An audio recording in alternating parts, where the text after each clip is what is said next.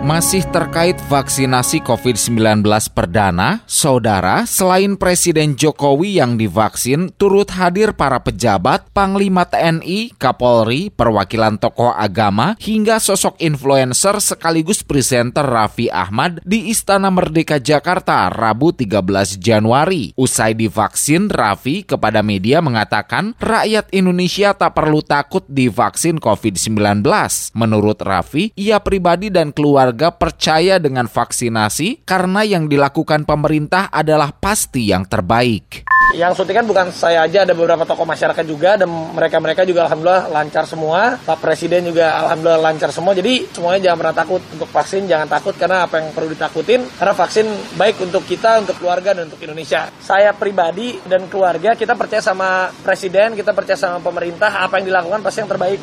Di Jawa Barat, pemerintah provinsi berkoordinasi dengan pihak RSHS Bandung terkait pelaksanaan vaksinasi COVID-19 Sinovac di Kota Bandung Kamis 14 Januari. Wakil Gubernur Jawa Barat UU Ruzhanul Ulum menjadi orang pertama di Jawa Barat yang menerima vaksin COVID-19 disusul pejabat lainnya. Gubernur Jawa Barat Ridwan Kamil tidak divaksin karena telah dilakukan penyuntikan vaksin tahap ketiga pada proses uji klinis vaksin vaksin COVID-19 beberapa waktu silam. Sebanyak 1,2 juta dosis vaksin Sinovac telah didistribusikan ke kabupaten kota di Jawa Barat. Dijadwalkan tujuh daerah di Jawa Barat akan mulai melakukan vaksinasi pada 14 Januari 2021. Kilas Radio. Kilas Radio. Kilas Radio. PR SSNI Jabar Wilayah Priangan.